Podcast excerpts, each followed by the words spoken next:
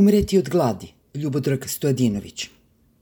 Već je bilo nedoumice na ovom mestu da li Obradović naginje Bakunjinu, Lepenu ili Gandiju, a možda tu ima još nekoga.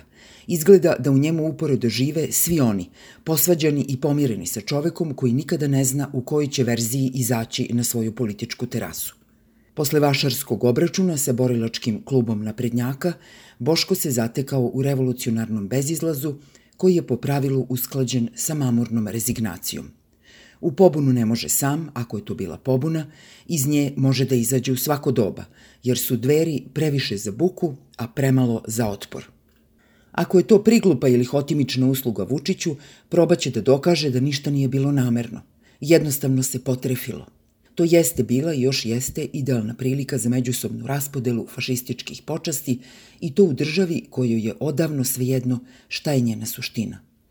U njenim oglednim baštama, pored marihuane i drugog državnog rastinja, klija i neonaci fašizam raznih tipova i oblika, kao neotklonjivo svojstvo ove neispitane divljine. I odatle fašisti optužuju za fašizam sve koji nisu oni. Tražeći najboljeg sebe, Boško Obradović je odlučio da štrajkuje glađu u zamenu za izdaju Kosova i pomeranje izbora. Taj čin bi mogao da bude rizičan ako je iskren. U Britaniji u doba Margaret Thatcher 81. godine prošlog veka desetorica zatvorenika pripadnika Ira koji su, tražeći status političkih zatvorenika, prestali da uzimaju hranu, umrli su svi do jednoga – Advokati su ih striktno zastupali u doslednosti kada su štrajkači prestali zdravo da rasuđuju i nije bilo prisilne infuzije. Porodice i javnost su ih smatrali herojima. Čelična ledi nije pokazala ni trunku milosrđa, samo je rekla svako je doneo svoju odluku. Obradović naravno nije nameran da ide toliko daleko. U dijetalnom postu na vodi pridružio se Miladinu Ševarliću, profesoru Poljoprivrednog fakulteta. On ne jede zbog veleizdaje, čina koji nije valjano definisan čak ni kao zastarela pogrdna etiketa. Ali vidite sad, štrajk glađu navedene dvojice Gandija izazvao je kontraštrajk budnih pripadnika vlasti. Aleksandar Martinović i Sandra Božić štrajkuju glađu protiv onih koji štrajkuju glađu. To gladovanje protiv gladovanja potpuno je nova etapa u patetičnoj raspodeli sveopšte gluposti koja ovo društvo dovodi na samu granicu opstanka.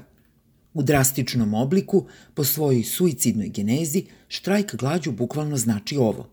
Ili učinite to što tražim, ili ću ja da umrem. Ta vrsta napada na sobstveni život i zdravlje presudnom ucenom jeste duga i mučna agonija ako se ide do kraja – Prosečan čovek samo na tečnosti može da poživi do 8 sedmica.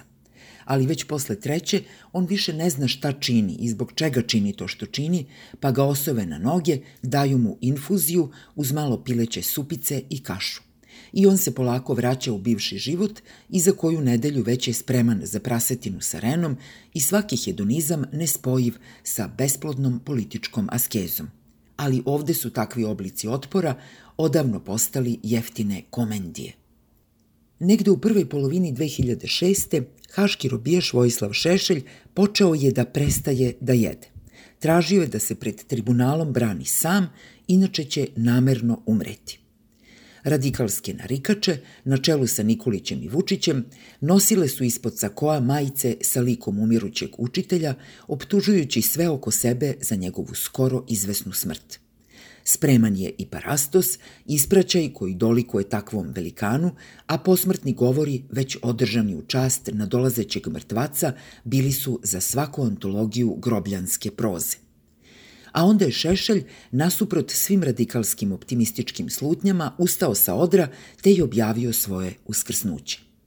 Nije mu vredilo, njegova politička pastorčad ga je tako živog napustila. Voleli su ga samo kao tešku uspomenu. Negde u aprilu 2011. novi naprednjački vođa, o kome je, kao i o Vučiću, Vojvoda pisao uvredljive kupusare, objavio je da je sa jelom gotovo i da će do kraja života živeti samo za svoju smrt. Ali ako Obradović traži odlaganje, Toma je postio za hitne vanredne izbore legavši na stiropor kod glavne pošte. Ako ih ne bude, on ima da umre kao šešelj. Ali ta tupava seoska priredba potrajala je samo osam dana. Na molbu patrijarha Irineja, Nikolić je prekinuo štrajk, pričestio se u sabornoj crkvi i pojao jedno jaje.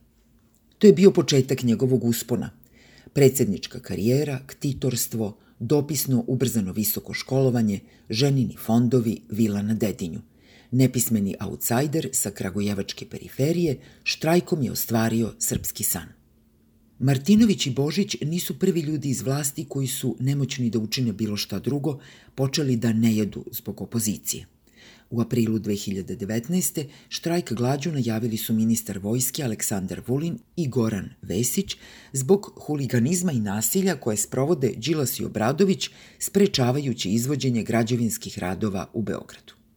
Čulo se da im je i Vučić rekao da su glupani, ali dovoljno pametni da to i sami znaju, te su ovi odustali pre nego što su počeli da ne jedu. I sada je pred nama prava živa igra smernog gladovanja, tamo gde je pre dva dana bila ulična tučnjava. Nedostaje samo Marijan Rističević, orator sa rasparanim kaputom, koji su mu dverjani fino udesili za strašilo. Štrajka glađu protiv štrajka glađu, obostrana skrušenost posle seljačke tuče. Ono što ne jedu jedni, ne jedu ni drugi. Saglasnost u jelovniku bi mogla da bude dobar početak sklada. Osim ako nervoznom Bošku ne popusti trpilo i ne ripi na nesnosnog Martinovića koji sedi na drugom kraju stepeništa. Obustava unošenja hrane u principu je besplodna politička dijeta, izrazito nerazumna konačna odluka koja u zgodnom času mora da bude napuštena. Ostao si živ, pizdati materina, kako te nije sramota.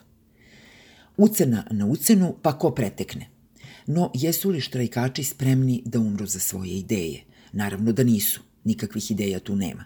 Režim više ne zna kako da opstane, opozicija ne ume tako rovite da ih skine – Ostaje im da njihovi reprezenti gladuju u nadi da će im neko doviknuti. Šta to radite, bre mamlazi, koji vam je moj? Mrš kući. A može i ovako, da ih šef skupštinskog restorana namami na gurmanske pljeskavice, najbolje i najjeftinije u gradu. Najedite se bre budale, niko u štrajk glađu ne ide gladan.